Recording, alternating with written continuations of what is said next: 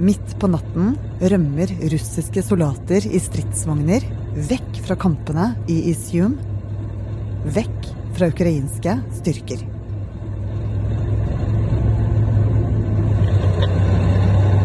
Store russiske styrker eh, flyktet nærmest i panikk. Noen av, det, av sjefene nærmest i underbuksene.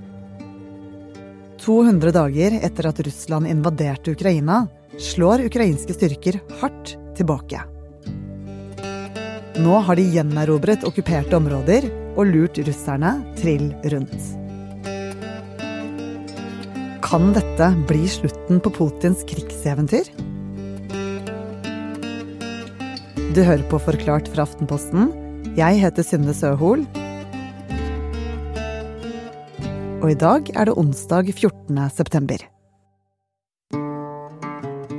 Russiske militærbloggere har fortalt om eh, hvordan det var da de ukrainske bombene begynte å, å hagle over eh, de russiske stillingene. De manglet eh, eh kommunikasjonslinjer, de hadde ikke tyngre artilleri, manglet granatkastere, de, noen av dem hadde ikke hjelmer engang, og de hadde blitt overført til disse stillingene bare noen, noen dager i forveien. Ja, De hadde ikke engang kikkert. Den eneste som hadde kikkert i et av disse kompaniene, var kapteinen. Og på den andre siden så rykket altså topptrent ukrainske avdelinger frem som eh, har vært i krig nå i åtte år, og utstyrt med moderne vestlig utstyr. Per Anders Johansen, journalist her i Aftenposten. Nå har Ukraina vunnet tilbake områder de mistet til russiske styrker. Dette angrepet omtales som historisk. Hva er det som har skjedd øst i Ukraina? Tidlig forrige uke så begynte de ukrainske bombene eh, å, å, treffe langs hele den eh, russiske frontlinjen, og deretter gikk de fort. Første by som falt var eh, Balakleia, og så raknet den russiske fronten. Så det er ikke sikkert at du husker akkurat hvordan kartet over Ukraina ser ut, men det skal jeg forklare veldig enkelt, sånn at du kan forstå hvor stort comebacket til Ukraina er. Så i vest har du Lviv, Kyiv i nord og Odessa i sør. Men langs hele den østlige grensen, der har Russland gradvis tatt over mer og mer siden invasjonen startet i februar. Og på kartet har det vært markert som et skravert rødt område som har vokst seg sakte vestover. Men nå, i løpet av bare en uke, har ukrainerne klart å erobre tilbake dobbelt så mye territorium som det Russland har klart på tre måneder. I løpet av en uke nå så har altså flere hundre kilometer med frontlinje rett og slett brutt sammen på russisk side, og de ukrainske styrkene har rykket helt fram til en stor elv, som eh, gjør at de nå nesten har frigjort eh, hele Kharkiv. Siden fredag skal ukrainske styrker ha gjenerobret over 20 steder og nådd den russiske grensen nord i Kharkiv. Ifølge forsvarsministeren skal ukrainske soldater være slitne, men ha god kampmoral.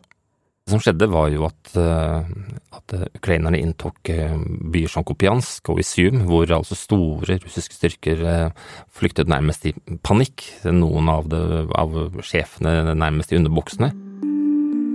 Russerne er på retrett. Og selv om de har svart med å angripe kraftverk og mørklagt flere ukrainske byer, selv om de tirsdag bombarderte byen Losova, så har Ukraina et overtak. Og det var jo dette som ikke skulle skje. For den russiske hæren skulle jo være totalt overlegen den ukrainske. Og da Russland invaderte i februar, så forventet mange at dette skulle bli en enkel match. Og nå har det altså begynt å rakne for Russland. Og det er det mange grunner til. Den ene handler om hva russerne vet om det ukrainerne gjør. Så har deres spionapparat på bakken åpenbart eh, forvitret. For eh, noen av spionene sier via disse russiske bloggerne at vi har jo rapportert og rapportert, men det er ingen som bryr seg om hva vi sier, og hvorfor skal vi risikere livet på å spionere her i Ukraina når vår informasjon ikke blir brukt? Og den andre er hva slags soldater som møtes på slagmarken. For Russland har over lengre tid tvangsrekruttert svake soldater til krigen. Det som kalles for mobbiker. Ja, Disse avdelingene som var kjørt fram ved fronten, var altså mobiliserte eh, soldater. Tvangsmobiliserte, nærmest plukket opp på gaten i byer som Donetsk og Luhansk. Og, og utemilitær erfaring. Eh, de smarte av hadde kanskje klart å kjøpe seg unna ved å betale penger. Det er jo korrupsjon overalt i den, den russiske hæren. Og eh, og de var jo i tillegg eh, altså, en ganske shabby gjeng, vil jeg si. Mange eh, gamlinger. Eh, flere av dem ble jo sendt da inn i den, disse avdelingene her som, uten at man gjorde noen medisinske tester. Så omtrent halvparten av dem var jo ikke til stede. De var enten skadet eller syke, og i tillegg så var det ganske mange av dem som faktisk var drept i bombardementet. Så på papiret så det ut som en, at det sto bataljoner langs fronten her, men, men det var en illusjon. Og mens russerne samlet disse troppene klare til kamp, uten helt å vite hva som ventet dem, samlet ukrainske soldater seg til motangrep et helt annet sted.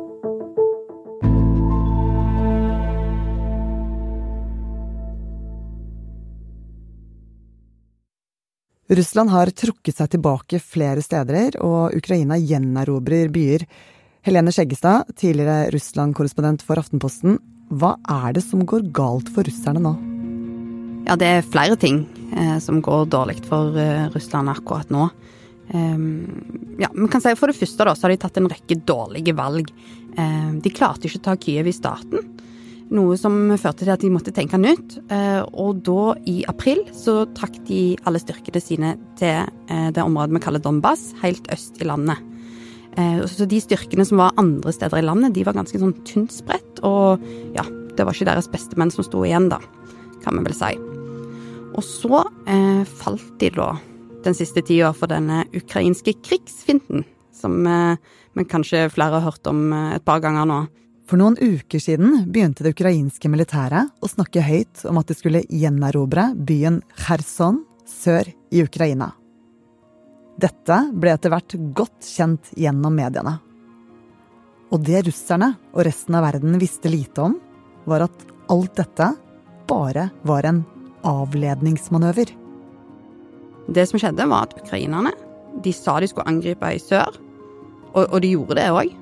Og det som skjedde da, var at Russland flytta sine beste menn, eller sine sterkeste avdelinger, dit. Men så angrep Ukraina samtidig i nord. Og dermed så vi hvordan de ukrainske styrkene bare feia inn i småby etter småby. Og i tillegg så er det problemer innad i styrkene til uh, Russland. Ja, altså I tillegg til at de har tatt en del uh, dårlige valg, så står det ganske dårlig til innad i det russiske militæret. Kaos og rot, uh, korrupsjon Eh, nesten halvparten av russiske soldater er drept, og de må fylle på med alt de kan finne fra fengselsfugler til pensjonister. Og de har måttet bruke eh, de generalene som egentlig skal trene opp nye soldater, de må de da bruke ute i felten. Så det er en, eh, en ond spiral for russerne. Eh, I tillegg så mangler de utstyr, de bruker gamle stridsvogner. Vi har sett eksempel på at de ikke har skuddsikre vester engang. Eh, og generalene de kaller jo situasjonen for katastrofal og ber om eh, flere folk, full mobilisering. Men det vil ikke Putin, for da må han jo for, for det første innrømme at det er en fullskala krig. Og da blir han jo rett og slett tatt i løgn, da. Mm. Hva forteller alt dette om tilstanden til den russiske krigsmaskinen nå? Ja, totalt sett så står det skikkelig dårlig til i den russiske hæren.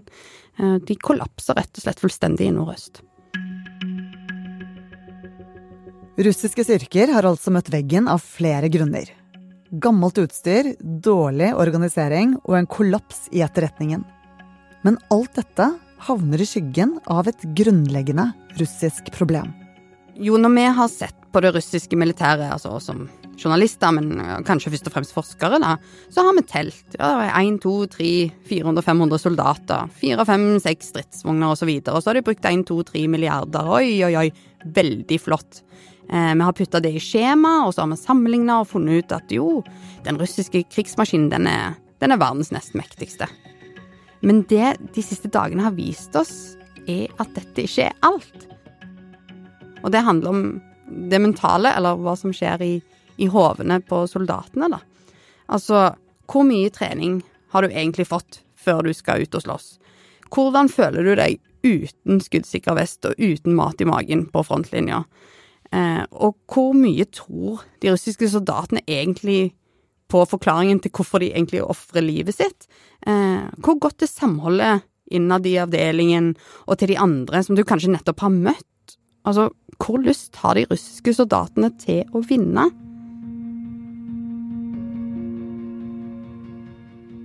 Og sånn er det ikke i Ukraina? Altså, I den ukrainske hæren så har de jo noe helt konkret å kjempe for. Krigen foregår på deres jord, på, mot deres slektninger, mot deres hjem. Mens russerne de kommer jo reisende fra det de har skåret. Og dette har eh, russiske eksperter akkurat funnet ut, eller? Jeg tror det gjelder mer enn bare russiske eksperter. Det, det gjelder de fleste. Eh, og jeg snakka med noen eksperter i går som, som sa at dette fordi man kan ikke telle kampmoral. Eh, så har man undervurdert dette aspektet. Og det vet jo vi som har jobba mye med Russland, både Per Anders og jeg, at dette er jo egentlig ikke overraskende når man snakker om Russland. Eh, Russland er et land som gjennom århundrer er herja av autoritære ledere som forteller russere hva de skal gjøre og hvordan de skal gjøre det. Og det samholdet og altså nøkkelordet tillit, da, som i et uh, velfungerende samfunn skal gå mellom folk i samme blokk eller i samme by eller i, i samme land. Og her, da, innad i samme militære struktur. Det, det har ikke blitt dyrka fram, eller det har ikke fått vokst fram i det kaoset av feilinformasjon og fryktkultur som har prega Russland. Så, sånn som det russiske militæret nå framstår, så sånn er det òg i det russiske samfunnet generelt. Så det militære gjenspeiler russiske tankesettet? Akkurat.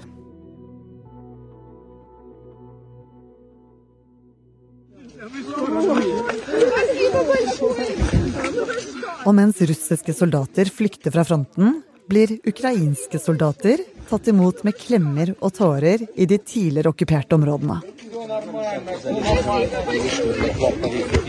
Helene, hva er det Ukraina har gjort rett i krigen? For det første så har de fått veldig god hjelp. Eh, de har fått eh, mye eh, moderne og høyteknologiske våpen fra Vesten, i tillegg til moralsk støtte. Og dette har de da brukt til å jobbe kanskje litt sakte i begynnelsen, men òg veldig målbevisst. De har, de har liksom tatt ut, eller såra, da, russisk infrastruktur og tatt sånne viktige knutepunkter for å frakte forsyninger hit og dit.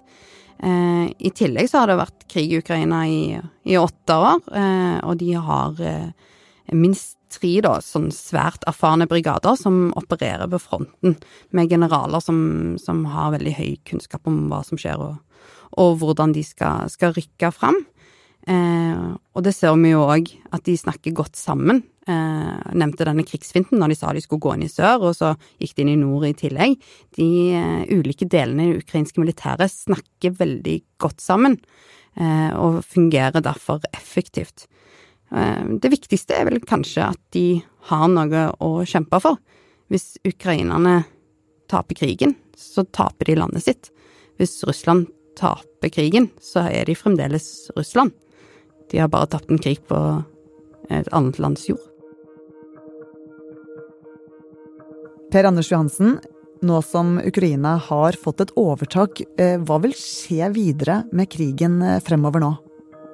Mange av disse militære bloggerne eh, som, som, nå sitter og skriker og hyler i Russland og kritiserer krigens gang, de vil jo ha en total mobilisering. De vil at Kreml skal uh, erklære at det er full krig, ta i bruk hele Russlands uh, ja, militærøkonomiske apparat. Og i ytterste konsekvens er det flere av dem som sier at hvis ikke det heller går, så må vi bruke små atombomber for å virkelig skremme ukrainerne til å gi seg. Atombomber, det, det høres jo ganske skummelt ut? Nei det, altså de har, russerne har jo taktiske atombomber. og eh, mange av disse militærbloggerne mener jo at hvis ikke vi klarer å vinne, så må vi bruke en liten atombombe. Dette er, sånn, dette er små øh, atombomber som kanskje utsletter alt liv innenfor noen kilometers omkrets, og dette er en del av det russiske militære planleggingen. De store øvelsene så trener de for at det er i bruk. De har egne avdelinger som står for dette her. og men, men, det har ikke vært brukt før. Man har aldri sett dem teste en sånn bombe. Og dette er helt nypløyd mark, og det vil jo være selvfølgelig en, en, en katastrofe. Men det, dette er sånn de sitter og snakker i, i de patriotiske ultranasjonalistiske miljøene i Russland nå. Og det er selvfølgelig skremmende. Og det er jo også hele effekten de ønsker å oppnå. For de ønsker å skremme Vesten til å ikke hjelpe Ukraina.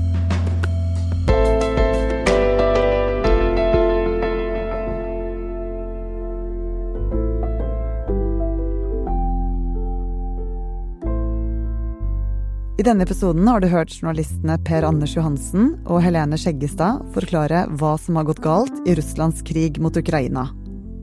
Lyden du hørte, er hentet fra meldingsappen Telegram og Twitter. Denne episoden er laget av Jenny Førland og meg, Synne Søhol, og resten av Forklart er Marit Eriksdatter Gjelland, David Vekone, Anne Lindholm, Anders Weberg og Fride Næss Nonstad. Hver ukedag går vi forklart inn i én viktig sak og forklarer deg hvordan ting henger sammen. Du finner oss der du ellers hører på podkaster, og det er helt gratis å høre på.